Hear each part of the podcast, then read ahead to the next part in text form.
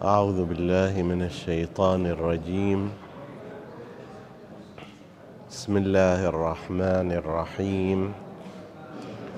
والصلاة والسلام على أشرف الأنبياء والمرسلين.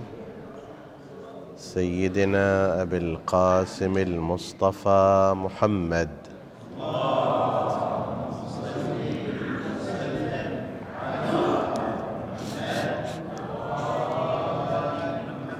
وعلى أهل بيته الطيبين الطاهرين المعصومين المكرمين. السلام عليكم أيها الإخوة المؤمنون أيتها الأخوات المؤمنات ورحمة الله وبركاته. قال الله العظيم في كتابه الكريم بسم الله الرحمن الرحيم. اقترب للناس حسابهم وهم في غفلة معرضون. ما يأتيهم من ذكر من ربهم محدث إلا استمعوه وهم يلعبون. لاهية قلوبهم. آمنا بالله. صدق الله العلي العظيم. كان لدينا أحاديث مضت في التذكير بالخريطة الأساسية التي ينبغي أن يسير عليها الإنسان المؤمن في حياته والتفكير في هذه الخريطة والانتباه إليها واجتناب اللهو واجتناب اللعب عنها. وذكرنا بعض معاني ومفردات اللهو واللعب والزينة والتكاثر والتفاخر مما وصف القرآن الكريم به حياة قسم من الناس. في المقابل ينبغي للإنسان المؤمن أن يلتفت إلى ماذا يراد منه. ومن الأسئلة التي يمكن أن يطرحها الإنسان على نفسه هذا السؤال البسيط. ما هي قصتك في الحياة؟ لو جاء قوم بعد نهاية حياتك وأرادوا أن يختصروا قصة هذا الإنسان كيف كان هذا الإنسان؟ نحن نلاحظ مثلا في القرآن الكريم يقص في عبارات قصة فرعون. المختصر مالها الآن إذا واحد يقول ليش شلون يقص القرآن قصة فرعون؟ إن فرعون علا في الأرض وجعل أهلها شيعا يستضعف طائفة منهم إلى آخره. ثم الله سبحانه وتعالى نكبه وعذبه وأغرقه في البحر هذا هو. هذه لو تلاحظها ثلاثة أسطر ولكنها خلاصة حياة ثمانين سنة ثمانون سنه عنوانها وأساسها هو هذا. قارون ما هي قصته؟ اجتمع له من الأموال ما أن مفاتحه لتنوء بالعصبة أولي القوة. اعتمد عليها استكبر بها لم يحسن جوارها فخسفنا به وبداره الأرض. انتهى. طيب هذه كلها أربعة أسطر ثلاثة أسطر. شنو كان يشرب؟ كم من الأكلات المتنوعة على مائدته؟ ما اسم هذه الأكلات؟ كم أنواع وأشكال وألوان ملابسه؟ السفرات ماله الكشتات ماله بساتين كذا. شنو هذه؟ لا هذا ابدا ليست مذكورة مختصر حياته. هي هذه. وهذا مو بس فرعون وقارون وهامان وهؤلاء لا حتى الأنبياء. الأنبياء يجي يبين لك النبي موسى جاء دعا قومه أخرجهم من الظلمات إلى النور عبر بهم البحر. ثم بعد ذلك انحرفوا وانقلبوا وهو ذهب إلى لقاء ربه. زين هذه هل عشرة أسطر أكثر أقل؟ كم تأخذ من الحياة؟ زين نبي الله موسى كم جرح جرح كم تعب تعب كم سفره راح كم سفره اجى كم اعتدوا عليه بالكلام كم هو واجههم بالمناقشات. لا خلاصة قصته هذه. أنت وأنا وأمثالنا هو هكذا. ما هي قصتنا في هذه الحياة؟ مختصر مفيد إذا أريد أن يتحدث عنك من بعدك. في خمسة أسطر الناس ما لها خلق ترى التطويل. شايفين مثلا واحد يجي يقول لك أريد تفصيل حياة حج فلان من أولها إلى آخرها. لا عمي. شنو سيارته وشنو نوعها وكيف كان يرقب وهل كان هو يسوقها لو عنده سائق وهل بيته ثلاثة طابق ولا أربعة طابق هل كان أثاثة خشب ولا حديد؟ أبدا. أظن إذا تحكي وياه الحكي هذا تقول ضي يقول تقول له ضيعت وقتي. زين. أريد المختصر المفيد ماله. كيف كانت حياته؟ ما هي مواضع العبرة فيها؟ مختصر مفيد. ما هو؟ ما هي قصتك؟ ما هي قصتك؟ فلان مثلا فنانة أو مغنية غنت سبعين أغنية. زين هذا هذا مختصر القصة. فلانة كذا رقصت على المسرح الفلاني. هذا مختصر القصة مالتها. وإنما المرء حديث بعده الشاعر يقول وإنما المرء حديث بعده فكن حديثا حسنا لمن روى. عندما تذكر فهل خمسة أسطر اللي الناس ما يتحملون أكثر منها؟ زين. هل خمسة أسطر تكون حديثا حسنا أو لا سمح الله؟ ذلك الشيء الآخر. البعض لسوء مثلا قصته يقال أعفينا من هالموضوع ما يحتاج نحكي فيه. حتى هالمقدار خمسة أسطر هم مو حاضر شنو؟ يتكلم فيه. هذا منين يصير للإنسان؟ يصير هذه القصة تحدث من البداية. لاهية قلوبهم لو مستيقظة. ملتفت إلى هذه الحياة ما هي؟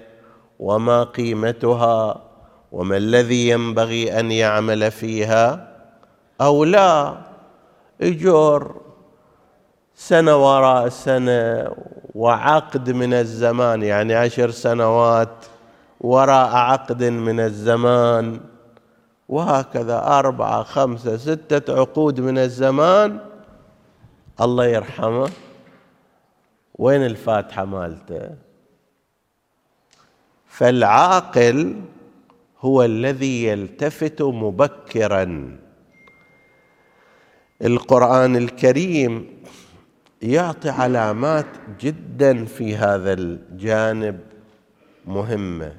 ما يقول اقترب الناس إلى حسابهم مع أنه هو هذا هم يصير. الحقيقة أن الواحد قاعد يروح. كنت ابن عشر سنوات الآن صرت ابن ستين سنة سبع سبعين سنة. أنت دا تقترب إلى عالم الحساب. الله يجيب الجانب الثاني. اقترب للناس حسابهم. مو اقترب الناس إلى حسابهم. ليش؟ مع أنه هذا صحيح. هناك احتمال. أن إذا أنت تقترب عندك مجال أن تسرع أو تبطئ. مشوار. بدل ما تسوق على ال 120 تسوق على المية على المية على الثمانين على السبعين. فعندك تحكم فيه في اقترابك وفي ابتعادك. لكن إذا ذاك الطرف هو اللي يجي هذا أنت ما تقدر تتحكم فيه. صحيح ولا لا؟ حتى لو أنت واقف ذاك بسرعته جاي ما يتأثر بيك. اقترب مو الناس إلى حسابه مع أن هذا واقع وحق. الليل والنهار يعملان فيك فاعمل فيهما ويأخذان منك فخذ منهما. اشتغل الليل والنهار فيك يقطع ياخذ. زين؟ لو كان هذا الأمر محسوس إلنا وكان من أبداننا كانت تشوف مثلا أول شيء جزء من القدم طار بعد جزء ثاني تشوف مثلا فد واحد إلى نص فخذه ماكو. لو كانت الصورة مجسدة هكذا لكن الواقع هو هكذا هاي الشيبات اللي عندك وضعف البدن اللي صار عليك والأمراض التي تتواردك وما شابه ذلك والقوة التي تتضاءل هي هذا. رصيدك يستنفذ لكن مو من بدنك الظاهري من وجودك الحقيقي. كانت صحتك تقاوم الأمراض مية في المية الآن صارت خمسين في المية. باكر تصير ثلاثين في المئة. كانت قدرتك وقوتك تصارع بها الأقوياء. اليوم شيلت خمسة خمسة كيلو هم بالنسبة إليك شنو؟ متعب. وهكذا أنت من قوة إلى ضعف ومن كثرة إلى قلة ومن استقامة إلى احديداب ومن شباب إلى شيبه فهذا منبه وذاك منبه. اقترب للناس حسابهم. وفي المقابل هم شنو؟ وهم في غفلة معرضون. سبحان الله. هي حياة الإنسان العادية هي حالة غفلة. يعني الأكل ياخذ جزء منه. جزء من اهتماماته. أول ما تقعد اليوم الصبح تفكر الفطور وين؟ شنو راح نفطر؟ زين. إذا موجود في البيت لو لا نروح نجيب لو إذا اليوم مشتهين شيء من برا أو كذا اللي يجرك مو ذاك المصير مالك اللي يجرك شنو؟ فطور الصباح. الظهر صار الغداء نفس الكلام. المغرب صار العشاء نفس الكلام. حاجاتك اليومية حاجاتك الزوجية حاجاتك الاجتماعية كل شيء يجر منك شنو؟ الاهتمام. لما تيجي تصفى طيب أنا من الصباح إلى الآن كم انشغلت بهذه الأمور؟ وكم انشغلت بالخريطة الأصلية؟ اقترب للناس حسابهم. شقد أعطيت ذاك؟ أنا فكرت أنا لو لا هذا اللي يق... في الروايات ذكر الله. أنا فعلا ذاكر لله من الصباح إلى الآن. ذاكر للآخرة. ذاكر للمصير مالي. مفكر في أن هذا الحساب شلون راح يكون؟ اقترب للناس حسابهم وهم في غفلة. يا ريت يا ليت فقط هذه الأشياء الأساسية. لا إحنا فوقها شو نسوي؟ نجيب ملهيات إضافية. إذا أنا من هواة الألعاب الإلكترونية فتعالوا شوف كذا من الساعات. كأنما مثلا ما يكفيني هالمقدار من لا هي قلوبهم اللي هي تقتضيها طبيعة الحياة. لا هذا هم فوق البيعة حسب التعبير والأفلام الما أدري كذائية وسائر الأمور الملهية والتي تجر الإنسان عن هدفه الأساسي إلى أمور أخرى لاهية قلوبهم وأسر النجوى. ما يأتيهم من ذكر من الرحمن محدث. يذكرهم بالله عز وجل. ذكر حادث وراء ذكر حادث قضية وراء قضية إلا استمعوه وهم يلعبون. قد يكون كما ذكرنا في وقت سابق اللهو لهو الحديث. كلام فارغ ليس له قيمة ليس له فائدة. حتى لو ما كان معصية حتى لو ما كان غيبة حتى لو ما كان نميمة حتى لو ما كان تحريض على الفسوق. لا كلام فارغ هكذا. تجي تشيله وتحطه تشوف ما يسوى شيء. من اللطيف أن كلمة اللعب في اللغة العربية لو تسأل واحد شنو يعني لعب من وين جاية؟ يقول لك هو بيلعب يعني. يلعب كورة يلعب كذا. من الطرائف أن أصلها من اللعاب. اللعاب يقول لك اللعاب خصوصا عند سيلانه وقت النوم ما إلى قيمة بالعكس يعني كلش يعني يتنفر منه الإنسان. يقول لك من هناك أخذ هذا اللعب بشتى أشكاله وأساليبه من ذاك أن شيئا ما ليس له قيمة يرتبط بالإنسان بنحو من الارتباط. هذا اللعاب مالك. أخذ منه المعنى اللغوي الالعاب المعروفة والمختلفة. تدرون في اللغة العربية عادة في هناك أصول لكل كلمة. آه كلمة مثلا جنن جيم نون نون أصلها معنى شيء مختفي فيؤخذ منها عنوان الجن لأنه مختف والجنين لأنه أيضا مختفي داخل والجنة لأنها مختفية وراء أشجارها العالية. زين؟ والجنة الدرع لأنه يخفي ما تحته وعلى المعدل. هذا نمط في اللغة العربية يذهب إليه بعض اللغويين وهو نمط جيد.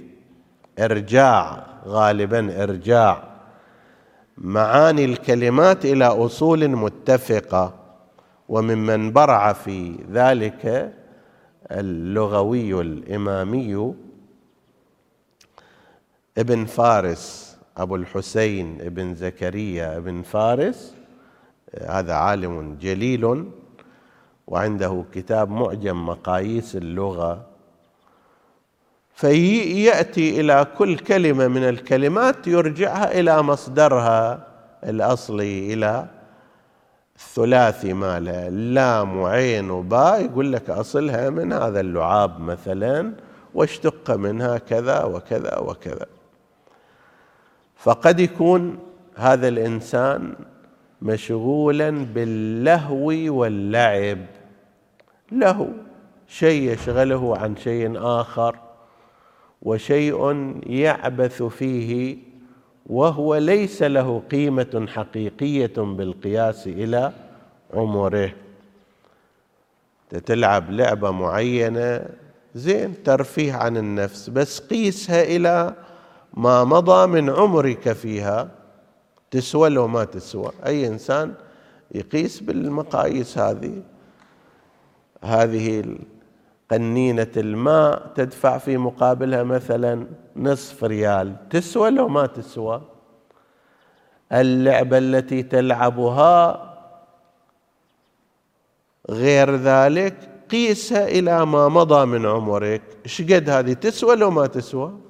قد يكون فيها فائدة تسوى. قد ما يكون فيها فائدة لا راح عنك عمرك. قد يكون هكذا الإنسان.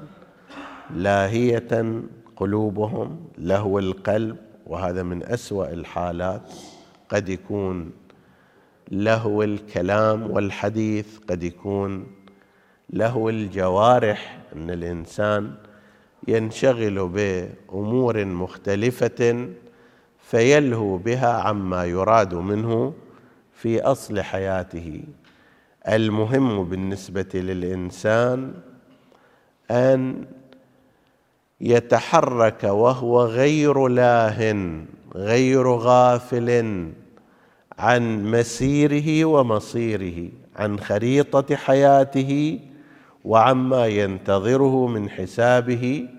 نسأل الله سبحانه وتعالى أن يكتب لنا ولكم البعد عن الغفلة ودوام اليقظة والنظر إلى ما ينجينا ويقربنا عند الله سبحانه وتعالى إنه على كل شيء قدير. وصلى الله على سيدنا محمد وآله الطاهرين.